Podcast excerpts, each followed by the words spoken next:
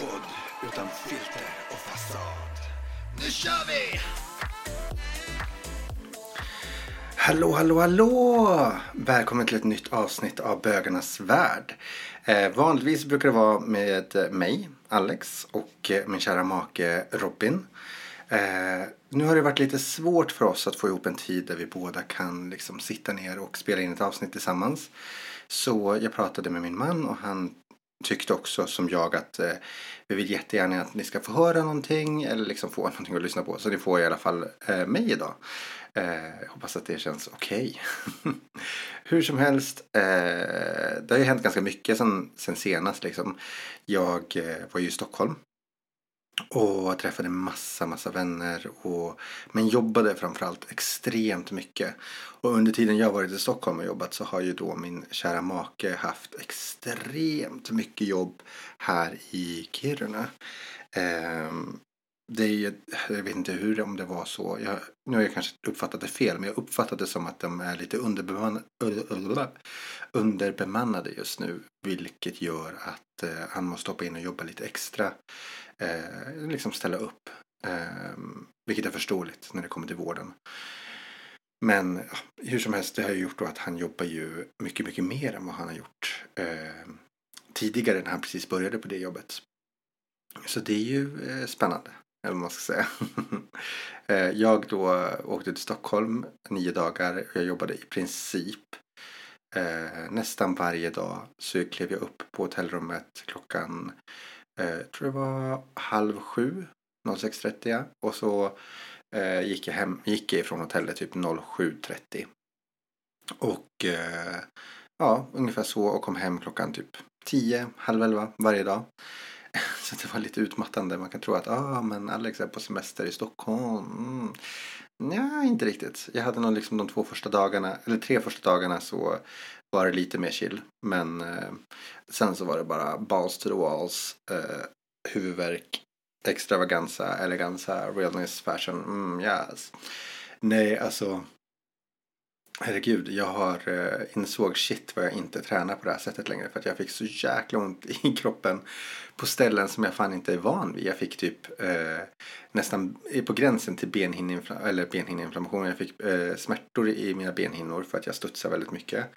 Eh, jag körde väldigt mycket street och sånt den här gången. liksom jag var nere med mycket studs. Och hade väl inte riktigt de bästa skorna för det. Och ja, nej men eh, sen så jag menar nio dagar i Stockholm är alltid fantastiskt. Det är alltid fint. Eh, det var jävligt skönt att komma hem och jag är jävligt glad att jag ska vara hemma nu ett litet tag. Eh, I Stockholm så träffade jag bland annat min fantastiska kollega eh, Alma Alltså herregud, det är en kvinna som är så jäkla skön att hänga med. Jag eh, glömmer aldrig när jag var ner i Stockholm för några veckor sedan när jag kommer in och alltså hon är ju extremt fantastisk och extremt mycket eh, vad ska man säga, empati och mycket medkänsla och är väldigt kontakt med sina känslor. Eh, men så eh, vet jag att hon har saknat mig. Jag har ju saknat henne också. Eh, men så visste hon inte att jag var i Stockholm och så fick jag höra att hon var kvar på på dansskolan Sway. Så jag gick in i salen när hon höll på att plocka ner någonting och ropade hennes namn. Då började hon ju stortjuta. Oh, det blir jobbigt. Jag höll också på, nästan på att börja gråta för att jag är inte van vid att liksom någon reagerar så. Så att hon började Alex och bara sprang och man blev så himla glad. Men det var så mysigt då att jag fick hänga med henne nu en vecka liksom.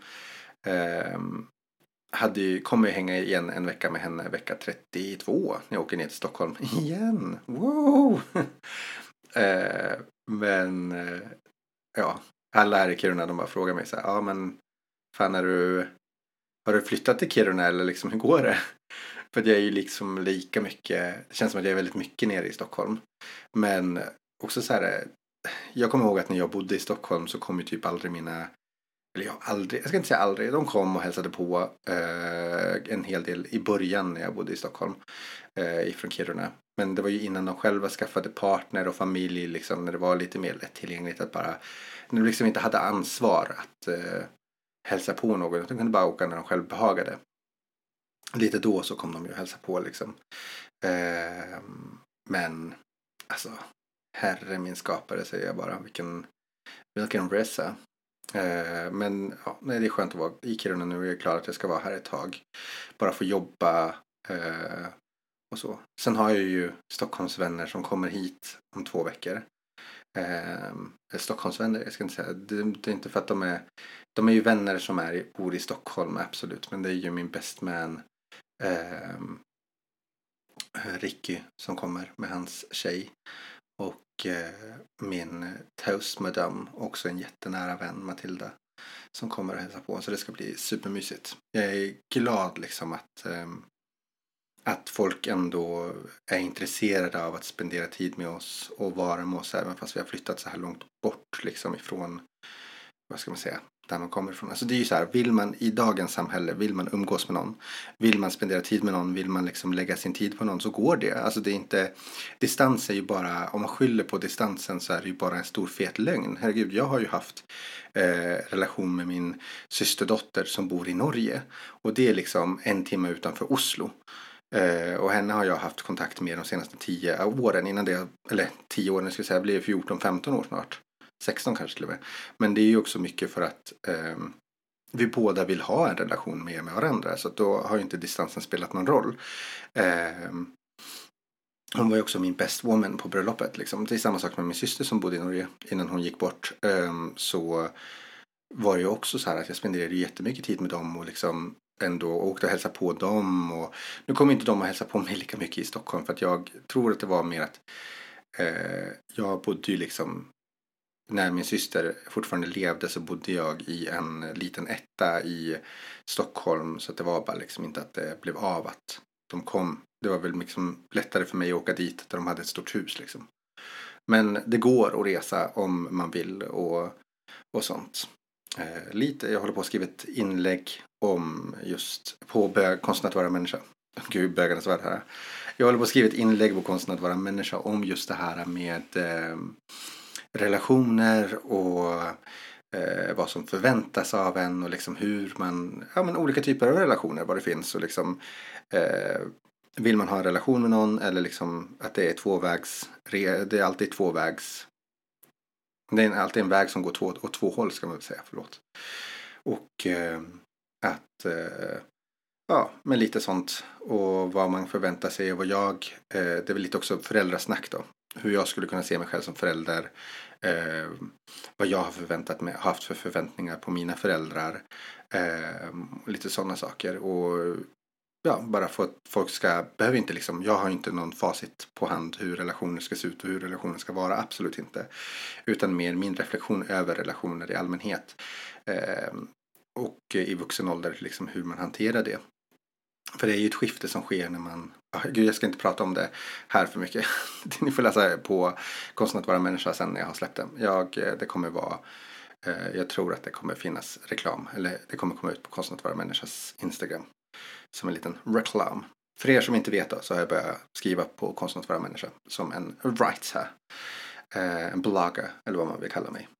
Eh, hur som helst så Ja, åter till Stockholm. Sen träffade jag också såklart min, eh, mina Alltså de bästa av de bästa, de som jag alltid har umgås med, de som alltid vill umgås med mig och de som alltid liksom tar sig tiden för att vara med mig. Och då var ju, är ju det Natasha, det är ju Ricky och det är ju Matilda liksom. De, ja det är de jag har mest kontakt med nu också när vi har flyttat upp hit. Eh, sen fick jag såklart träffa finaste Elin eh, och blev så himla glad av att se henne. För jag har inte träffat henne sen, ja, sen vi flyttade liksom.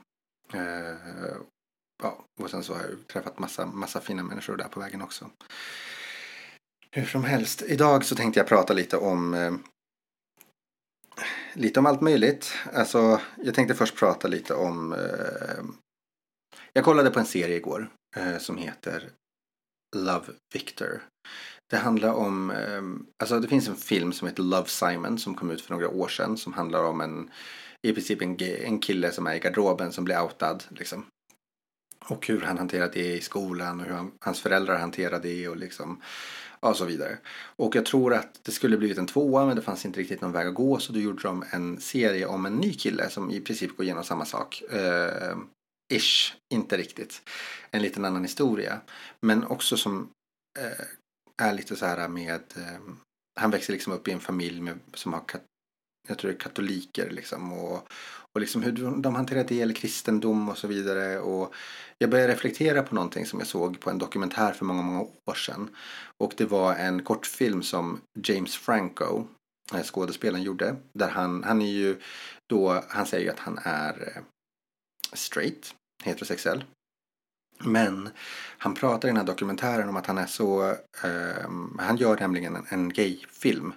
Eh, eller typ en ganska sexuellt visualiserad, han är eller regissör till en sexuellt visualiserad gayfilm. Eh, där en kille som går in, som han ville specifikt ha en straight skådis som går in på typ en gayklubb där på gayklubben så ska de göra det de brukar göra liksom. Just på den typen av kinky eh, SLM där det är piskor och folk var fastbundna på väggen. Nu låter det som att vi, det är det vi gays håller på med hela tiden.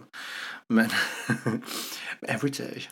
Nej, men och han ville specifikt ha den här kontrasten och eh, sen så frågade han, hade han en diskussion med skådespelaren som var straight. Och skådespelaren sa i princip att han var jätteobekväm med att se de här sakerna, att det var liksom eh, jättejobbigt för honom. Och det är klart att ingen ska utsätta sig för saker som de tycker är jobbigt för. Men då frågar han liksom varför. Eh, och sen så kommer han in på en diskussion om eh, manipulation. Eh, manipulation, jag tror det är så man uttalar det. Eh, sen ung ålder när det kommer till det här heteronormativa tänket. Eh, alltså menar jag, sen, det är samma sak för mig. När jag var ung så eh, jag trodde ju att vara gay var fel. Alltså att liksom, är man homosexuell så är man felskapt. Man är eh, inte rätt. Det är skamset och eh, det är liksom, ja, det var ju så jag blev uppväxt. Inte från min mor. Min mor har alltid sagt att liksom, eh, du får älska vem du vill.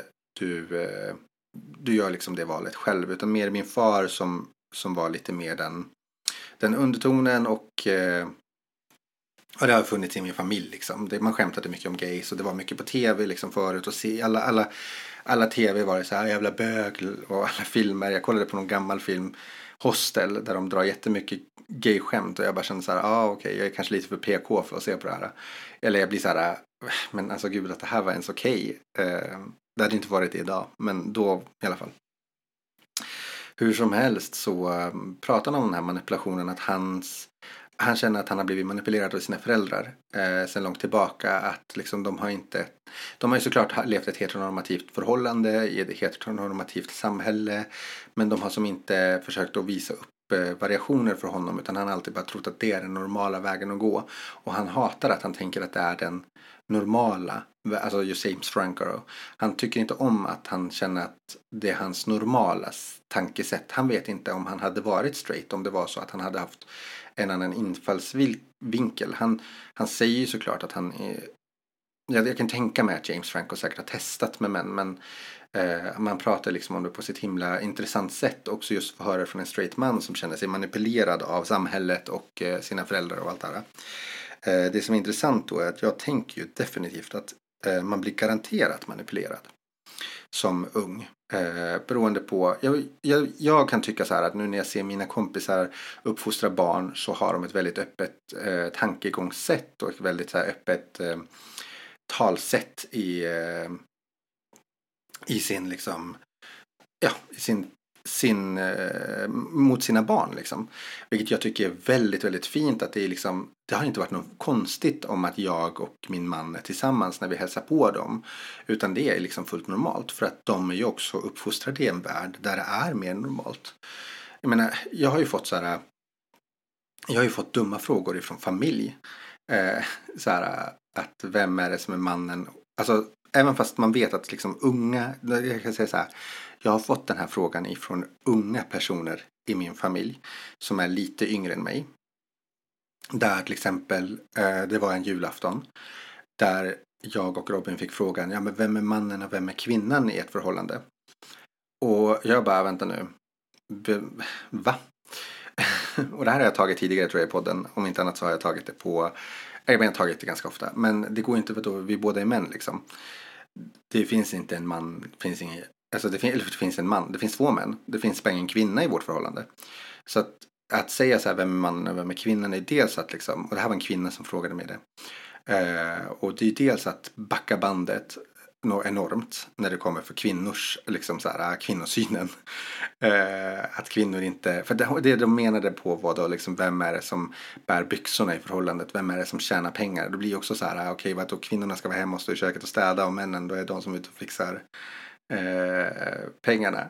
Det var lite så här backa bandet tre, flera, flera, flera hundra år höll jag på att säga, men flera, ja, decennier bakåt i tiden och jag kände så här att ja men det här är ju liksom jag tycker sånt är superintressant. Jag går igång på sådana här eh, grejer som händer. Nu orkade inte jag, eftersom det var julafton och jag var inte riktigt eh, var inte riktigt hemma där jag var hemma. Så kände inte jag att det var en diskussion jag skulle ta. Jag svarade bara att vi båda är eh, vi båda är män. Eh, jag tror att personen kanske kände sig lite dum i sin fråga sen i och med att vi inte, hon, eh, hon då inte fick något riktigt specifikt svar. Eh, och det var inte såklart inte min mening. Men det är så viktigt att tänka på att även fast man, man tror att men jag är helt eh, normal.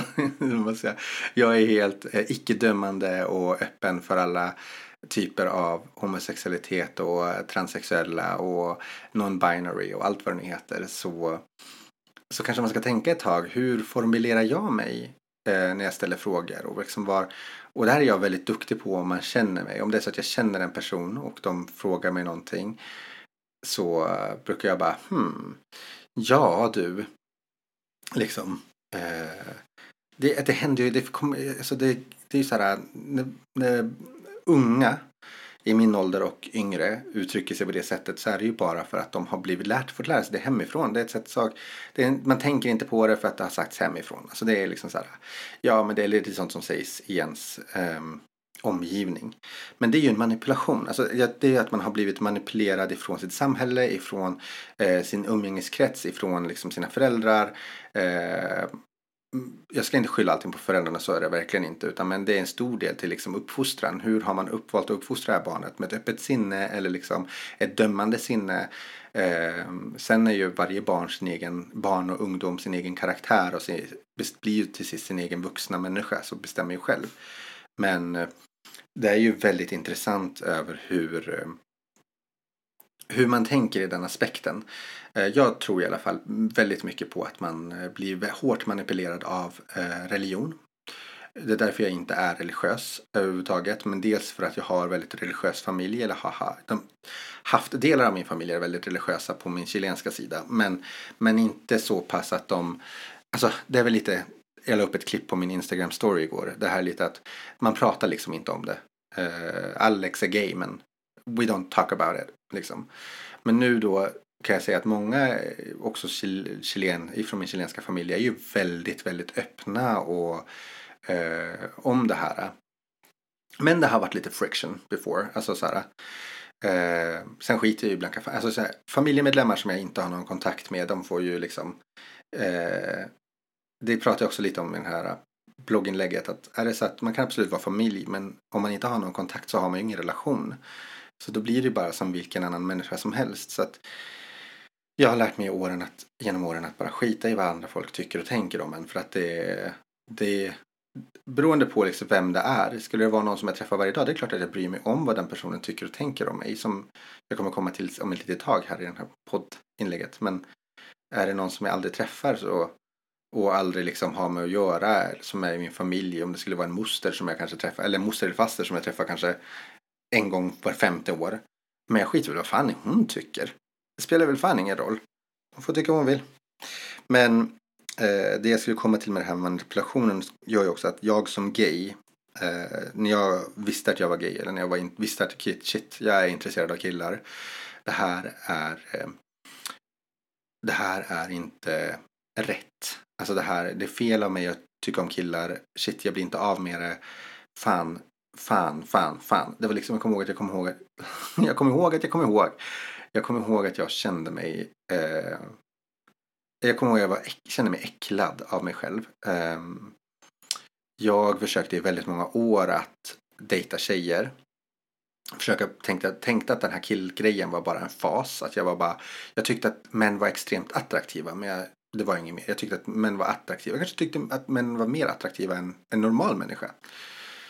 Men eh, så pushade jag ju liksom, försökte trycka bort de här känslorna och allt det så pass att jag började ju må psykiskt dåligt. För att jag fick ju som inte, jag konstant, tänkte jag konstant gömma liksom det man känner. Men sen när jag verkligen insåg att nej, men det här kommer inte gå bort, att jag får bara acceptera och börja utforska den sidan, se vad som händer.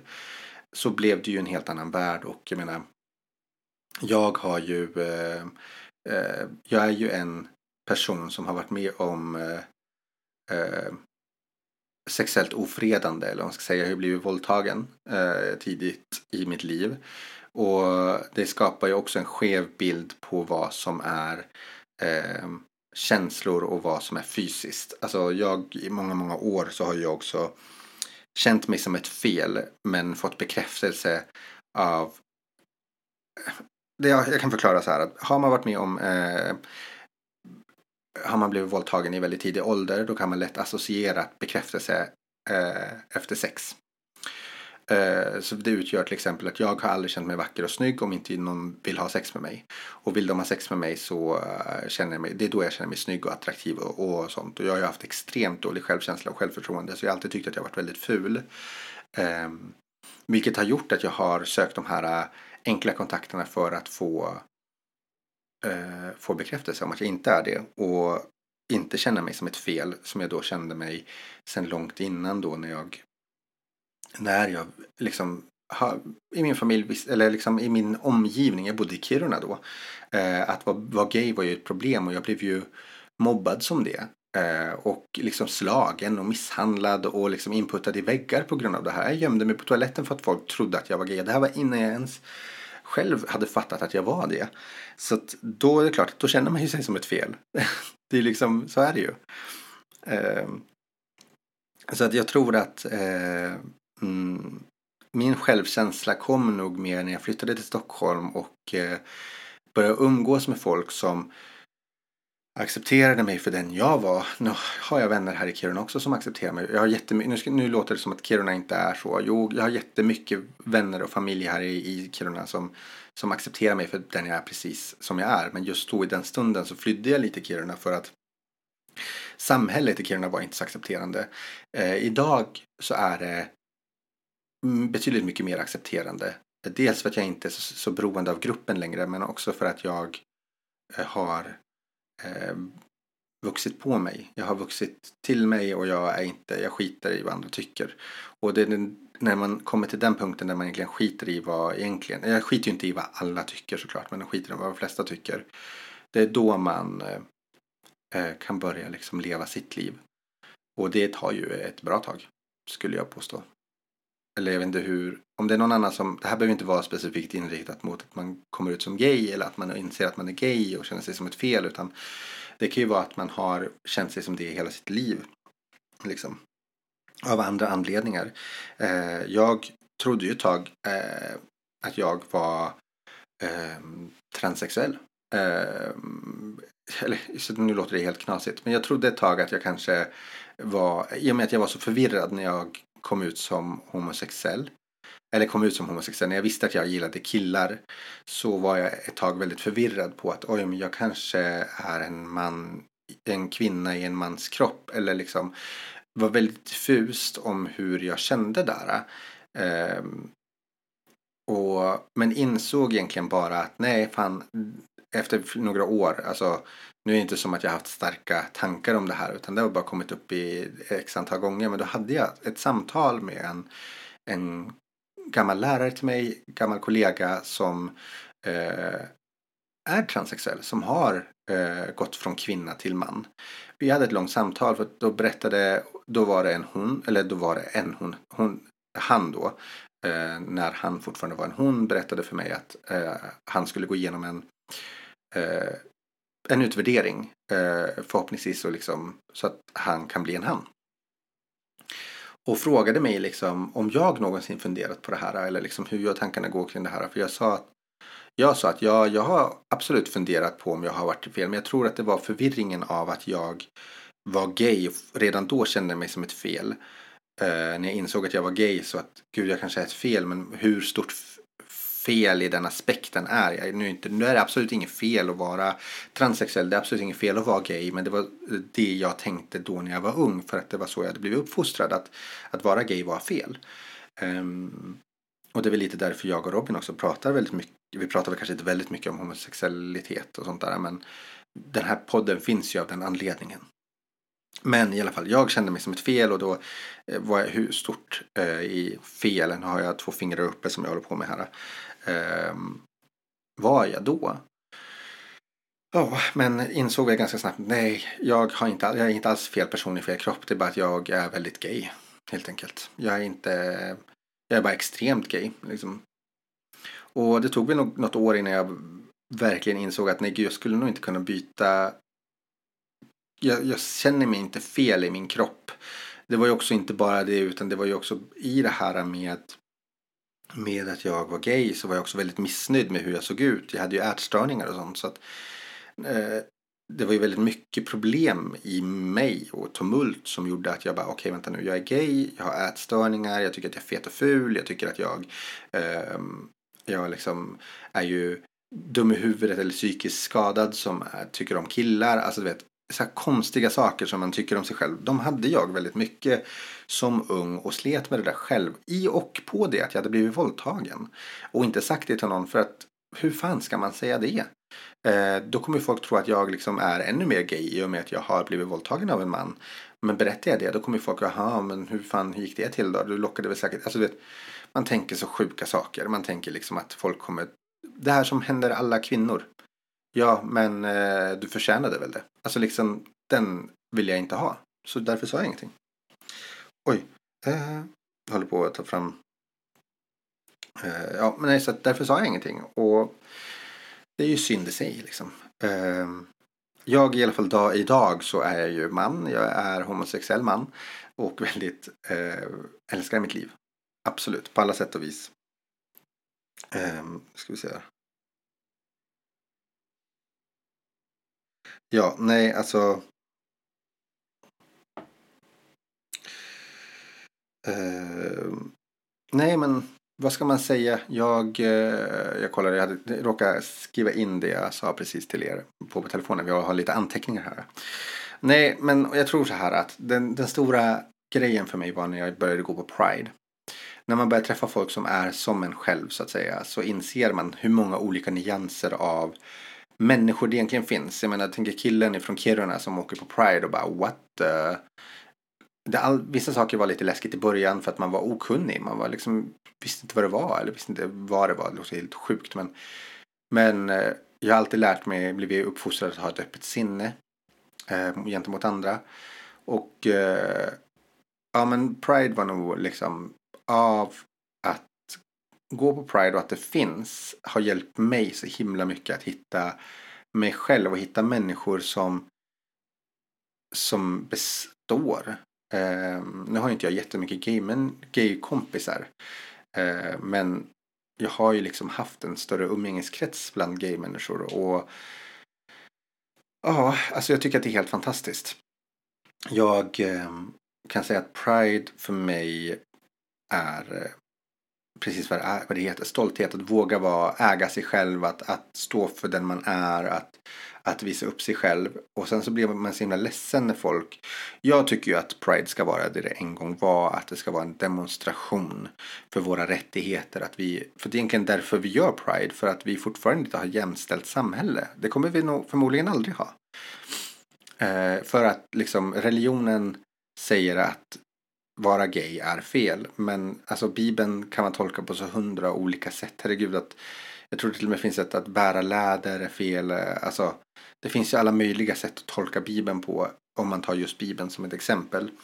Men ja, nej jag tycker att eh, eh att ha vara Pride äh, vi kommer aldrig ha kommer kanske aldrig ha ett jämställt samhälle men vi kommer i alla fall ha Pride där vi kan visa att det är okej okay att vara annorlunda. Att det är okej okay att finnas, eh, visa andra un, yngre och unga att det är okej okay att, att leva liksom eh, sitt sanna jag så att säga. Och att man behöver inte definiera sig. Man behöver inte ha en stämpel på vad man är. Man behöver inte passa in i något fack och det är faktiskt helt okej. Eh, det gör mig, just nu när det börjar nalkas Pride, man ser det lite på överallt i och med att väldigt många stora bolag utnyttjar Pride som en eh, marknadsföringspunkt. Eh, så är det ju såklart en, eh, liksom man ser det överallt nu.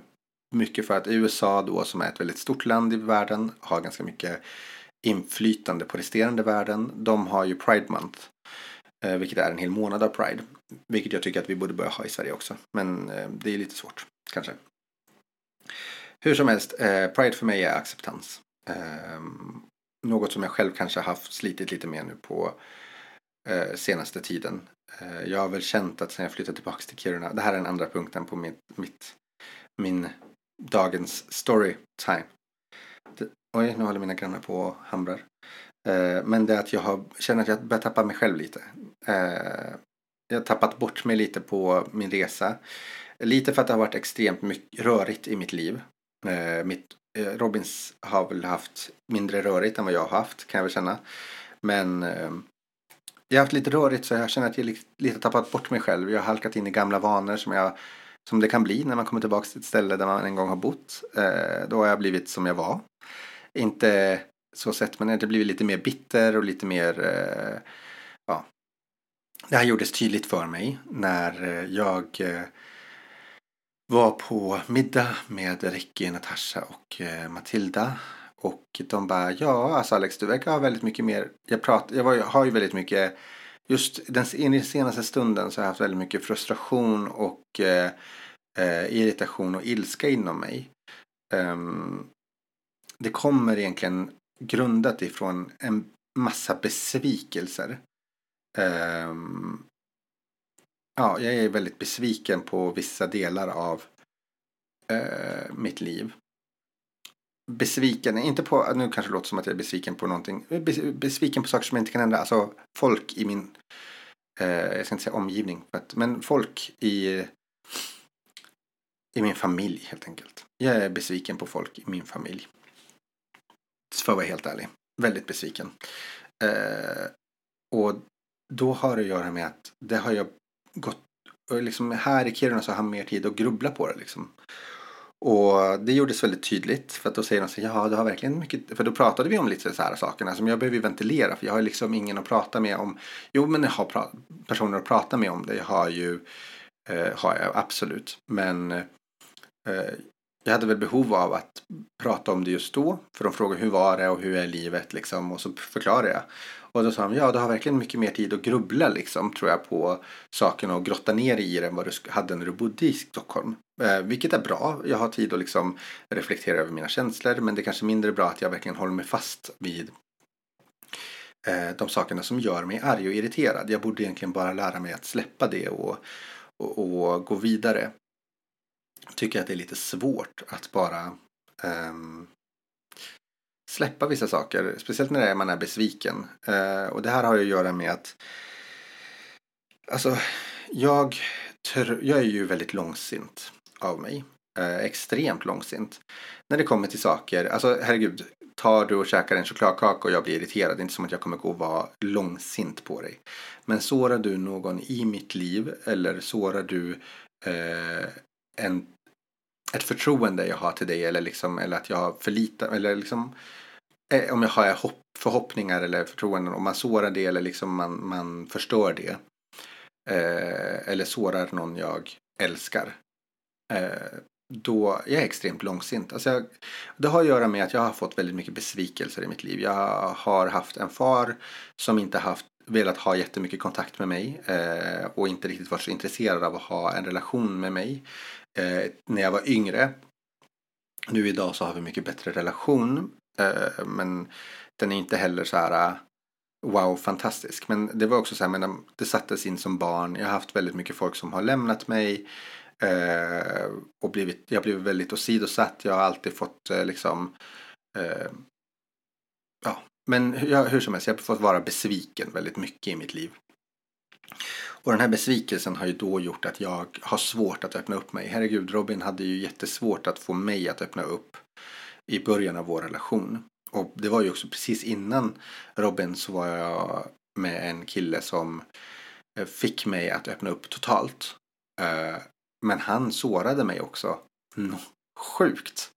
Alltså han förstörde liksom hela det förtroendet. Han var verkligen så här jättefin kille, liksom, tror jag säkert, i grunden. Men han, eh, han var verkligen så att ah, jag vill att du ska öppna upp för mig och liksom fick mig verkligen att öppna upp och visa att han fanns där för att en dag sen bara bye bye. Nu har jag fått det jag behöver av dig. Nu behöver jag inte dig längre. Bye bye. Och inte höra av sig alls. Liksom det förstörde mig ganska mycket. Och Robin har ju haft en, en lång väg för att öppna upp det. Och i början av vår relation så var det inte den bästa situationen för förtroende Eh, för mig och Robin. Just att Robin mådde inte så bra och gjorde vissa saker som gjorde att jag hade svårt att för, ge honom ett förtroende som jag önskar att jag hade kunnat. Ehm, och vi har ju fått bygga på det sen dess. Och nu så har jag ju liksom allt förtroende i världen till honom. Jag litar på honom till 100 procent. Och jag kan vara mig själv. Jag känner att jag kan vara mig själv runt honom. Jag känner att jag kan vara, prata om allt mellan himmel och jord med honom. Vilket är eh, dit man vill nå antar jag med en partner. Men det har ju tagit honom en lång väg i och med att jag har varit med så himla mycket besvikelser så blir jag så extremt långsint. Så att, och det är, jag tror att jag är långsint för att jag försöker eh, guard, ha en guard utifrån och inte förvänta mig för mycket av människor. Um, det, ja, det finns ju liksom folk som, ja, nej jag vet inte vad jag ska säga. Det finns, jag är extremt besviken på vissa människor i, som finns eh, som inte, ja, som finns som en del av det livet jag lever. Eh, jag vet inte om jag kan säga det, men ja, hur som helst. Det har gjort att jag har tappat bort mig, jag har grottat ner mig i det här, att jag har varit lite mer irriterad och liksom argsint över de här sakerna för jag har verkligen gått och med mycket bitterhet inom mig. Eh, så jag har blivit bitterbög. och jag försöker verkligen inte eh, att, eh, att vara det. Och jag har tänkt så att nej, men nu måste jag fan ta tag i mig själv. Och det är därför det är så skönt att vara i Kiruna nu. För att, eh, och nu har jag fått väldigt mycket tid själv för Robin jobbar ju. Och jag får verkligen tid att arbeta på mig själv. Och jag tror att det är viktigt att man gör så ibland. Att man tar sin egen tid att, att eh, reflektera över hur man är och vad vill man lägga energi på. Eh, och så. Jag har ju verkligen känt så här när det kommer till mina sociala eh, kanaler. Så förut var det väldigt mycket för dans. Eh, jag har ju liksom min Facebook är i princip inte privat överhuvudtaget utan den är ju mer bara en eh, ett forum där jag lägger ut lite dansvideos och sånt där. Och jag skulle önska kunna vara lite mer privat på min Instagram eh, eller på min Facebook. Men eh, jag kommer i alla fall göra en jag har bestämt mig för att jag kommer göra en rensning av folk som jag inte har någon kontakt med alls. Det vill säga någon som jag, in, jag inte personligen pratar med eller har någon kontakt med. Utan bara är vän, och det spelar ingen roll om det är vänner eller familj eh, för min del. Eh, jag skiter i det för att det är en relation i, i slutändan och om eh, jag inte känner, alltså jag hatar det här spelet med att man måste vara vän på Facebook för att det ska se bra ut. Det är typ det värsta jag vet. Um, så att jag kommer ju bara göra en stor rensning på folk och verkligen bara ha kvar dem som jag vet att jag har någon, någon form av kontakt med som jag har träffat eller haft någon form av diskussion med det senaste året. Um, och resten ryker liksom. Det är lite som man brukar säga att har du inte använt, till exempel om du går in i din garderob och eh, behöver rensa på kläder men du bara, men jag kan inte rensa. Nej, men då kollar man, tar man i kläderna. Har jag använt det här senaste året? Nej, det har jag inte gjort. Nej, men varför har man då kvar den? Eh, sen finns det ju såklart eh, alla de typer av relationer där du eh, har, eh, låt säga så här, det finns de eh, som du har eh, haft i flera år, ni har haft någon liksom, ni har haft ett starkt band, alltså det är lite så här, eh, Ja, jag kanske inte hör av mig till min eh, vän som jag umgicks med varje dag i sex sju år. Eh, men vi har ett starkt band, vi har en stark relation till varandra. Ja, men de kanske inte tar bort för att det finns fortfarande en möjlighet. Alltså det är som, bara för att man inte hörs varje dag betyder inte att man inte har en bra kontakt. Men det finns folk också på min Facebook som jag bara eh, jag, jag har försökt ha relation till men det går inte. Eller de, det finns inget intresse från den andra sidan. Då blir det så att, ja, men då, varför ska jag då hålla på och vara vän med någon som jag inte är vän med liksom, egentligen. Eller som jag inte känner. Så att säga. Det kan, man, det kan vara en bra punkt. Och det tycker jag också att ni ska ta till er. Att liksom, eh, har ni folk på er Facebook, ni beror på hur er Facebook ser ut. Om den är väldigt privat, ja men då kanske ni ska tänka efter så här. Eh, hur många känner jag den här personen på min Facebook? Är jag vän med, känner jag den här personen? Nej, men ta bort den då. Eh, vet jag liksom vad deras favoriträtt är? Eller kanske inte just det, men vet jag vad de tycker om att göra? Vet jag vart de bor? Vet jag liksom eh, deras favoritsaker? Jag har ingen aning. Men någon, någon, form av liksom eh, begränsning kommer jag ju försöka dra när jag ska ta göra den här storrensningen. Sen så har jag också insett att jag, i och med att jag är lite bitter och sånt där, så ska jag försöka rensa min Instagram på saker som gör mig bitter. Eller jag, så, sluta följa konton som jag bara inte känner är, ger mig någonting. Eh, utan följa konton som gör, ger mig eh, glädje, intresse och eh, ja, sådana saker. Men hur som helst, med allt det här så har jag väl känt att eh, nu har jag pratat i väldigt mycket i snart, eh, eller lite över 40 minuter. Och jag tänker att ni ska få, jag vet inte riktigt vad det här hade med eh, jag vet inte riktigt vad det blev för inlägg idag. Jag pratade lite om Pride, jag pratade lite om, om min egen bitterhet och liksom att jag är less. Jag vill fan inte vara en arg människa. Jag avskyr att bli ens kopplad till att vara en irriterad. Det är liksom det värsta du kan säga till mig.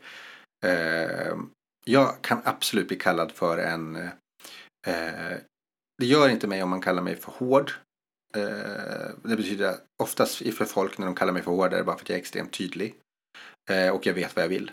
Eh, jag funnit, ja, det är oftast den, den tankegångssättet. Men att kalla mig liksom för bitter och eh, bitter är typ det värsta ordet. Då blir jag så här, jag bara, nej, nej, nej, nej, det är inte så jag vill bli tolkad. Det är inte så jag vill vara. Eh, jag försöker alltid vara en så himla jag försöker, jag försöker, jag ser mig själv som en varm människa. Som man, en, jag försöker alltid göra mig så pass eh, approachable. Alltså så här, man, jag, jag, vill liksom att folk ska kunna känna att de kan komma fram och snacka med mig. Och det vet jag att folk gör i och med att jag har väldigt mycket elever och folk i mitt liv som, som förlitar sig på mig och kommer fram, väljer att välja, tala med mig först och komma ut till mig om de är gay eller komma ut till mig om de är liksom lesbiska eller whatever. Gay och lesbiska, det är samma sak. Men hur som helst, att de väljer liksom att, att göra de här stora delarna. Jag får liksom vara en del av det i deras liv. Jag har fantastiska elever som är som mina barn. Alltså, jag vet att jag inte är en, en grinig människa. Men jag, vet, jag kan förstå att jag ibland kan uppfattas som det. Speciellt när jag har negativa saker i mitt liv som gör mig frustrerad. Och, och Finns det negativa saker i mitt liv som jag inte måste ta tag i? Till exempel, jag menar, hade Robin varit eh, hade Robin, jag kände att Robin ger mig massa negativa känslor. Men han är min man. Alltså där får jag bara, det måste jag lösa. Hade min Natasha, min allra bästa vän, varit väldigt grinig mot mig ett tag för att jag har gjort någonting eller whatever. Då hade jag försökt lösa det.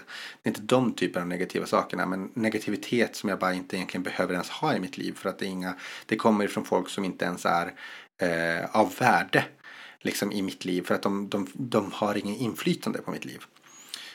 Det är liksom där försöker jag liksom ta bort, sätta någon form av gräns. Eh, för jag vill inte leva så, jag vill inte ha det så. Um, ja, i den aspekten. Och sen så uh, också så försöker jag, det här med, det som kan göra mig så frustrerad, det är också så här falskhet. Jag är ju, falska människor är ju något som jag avskyr, så det ska jag också försöka, vad jag anser vara falskt, uh, ska jag försöka rensa bort.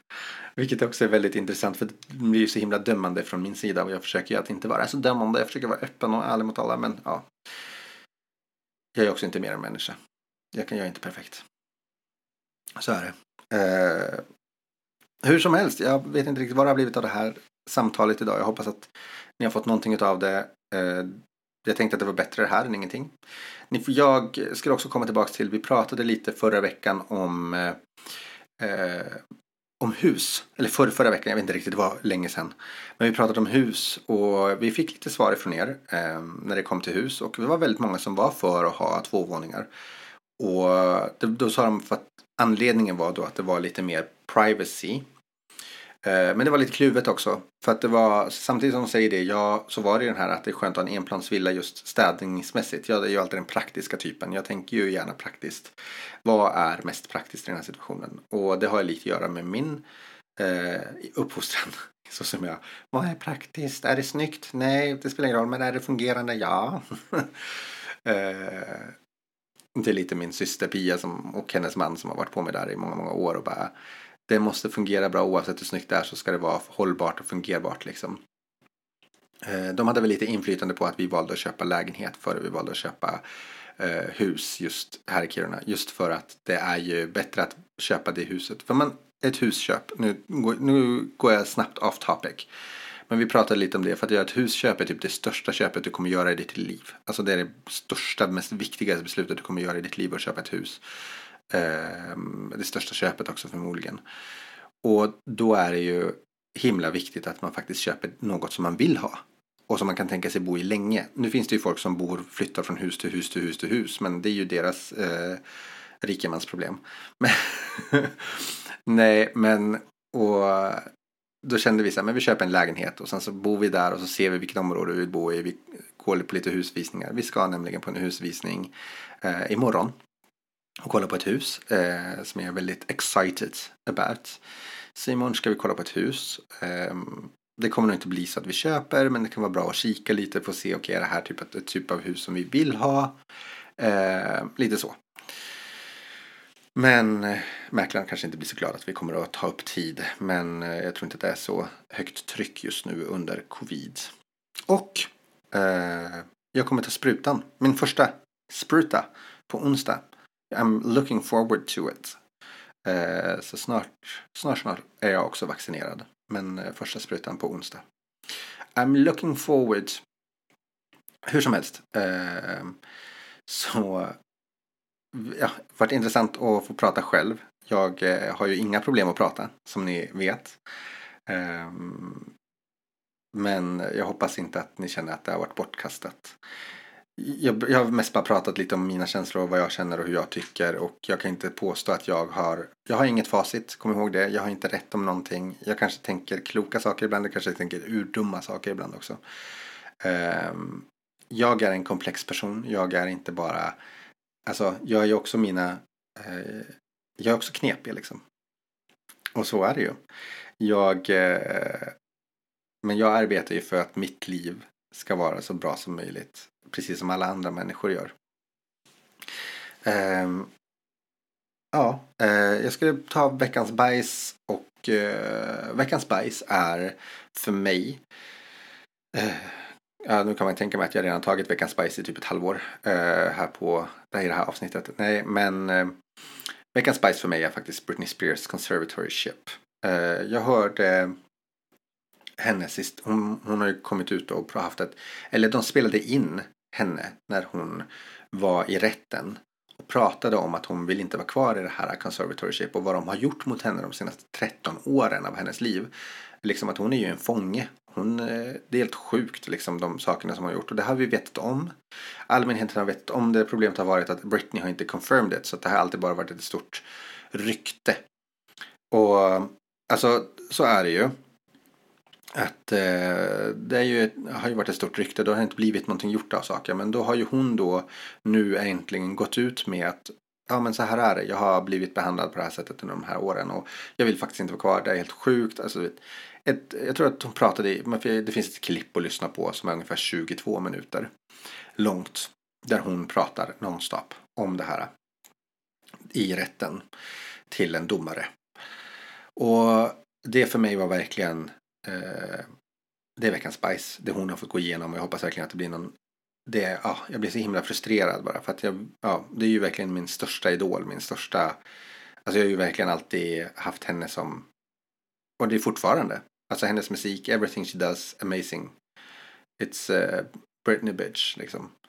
Och Veckans ros går också till Britney eh, Spears.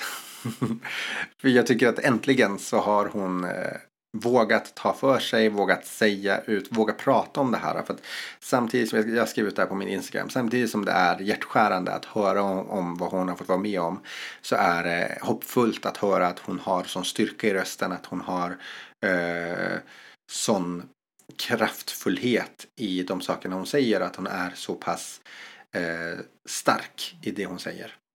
Det är, ger mig hopp. Så att eh, hopp om att hon kanske får leva ett normalt liv eller det livet hon vill leva utan att ha folk som styr och ställer över henne och sådär. Lite så. Eh, och sen veckans tips för mig, det är två tips. Dels så är det ju eh, Love Victor som finns på Disney+. Plus. Eh, det är ett program ifrån Hulu och Star. Men det finns på Disney Plus, den serien, så den kan ni kolla på. Om man har Disney Plus, det vill säga. och sen kan ni gissa? Britney Spears. det är mitt andra tips. Eh, dels är att lyssna på hennes musik. Eh, jag tycker absolut att ni ska gå och lyssna på det här eh, 20 minuter långa samtalet. Det blir som ett poddavsnitt. Eh, men eh, ja, jag tycker att det ska ni ta och checka in. Ja, men med det sagt så att Ja, jag vet inte riktigt hur jag ska. Det känns som att jag kanske fortfarande är lite bitter. Tänkte att det skulle hjälpa att prata lite om det. Men eh, Nej, jag eh, hoppas att eh, ni den här kommande veckan eh, gör det ni vill för att ert liv ska se så bra ut som möjligt. Och, eh, och för att ni ska må så bra som möjligt. Ta er ur situationer som får er att bli negativ och må dåligt. Och omge er kring människor som, som ger er kärlek. Och sen vill jag också bara säga, råkar du vara på den andra sidan som blir utkastad ifrån min Facebook. Oh, girl! Ta inte det så jävla personligt. Det är inte någonting, alltså det är bara att vi inte har någon relation längre. Liksom, vi, när ringde du mig senast? När pratade du med mig senast? Liksom. Och det gör ingenting. Jag, kommer inte, jag blir inte arg. Jag är inte arg på dig för att jag tar bort dig från min Instagram. Jag är inte, eller från min Facebook. Jag är inte arg på dig för att jag eh, gör sådana saker. Utan det är mer bara för att jag vill försöka göra min Facebook någorlunda privat igen. Där jag så småningom kanske kan lägga upp bilder på eh, mitt liv och det jag gör och, och liksom sådana saker utan att det ska kännas som att shit, jaha, nu sitter någon gammal danslärare och ser på det här. Eh, och tänker vad fan är han för jävla kuf? Men ja, ni fattar. Lite så. Eh, och så ta inte illa upp ifall ni skulle hamna på andra sidan av och, och sådana saker. Men, men, med det sagt, puss och kram. Ha en fin vecka så kanske vi hörs nästa. Vi får se. Det har lite att göra med eh, när jag och Robin ska ha ork och podda. Annars så, eh, vet inte, det kanske blir bögens värld. där sist. Who knows? Puss och kram.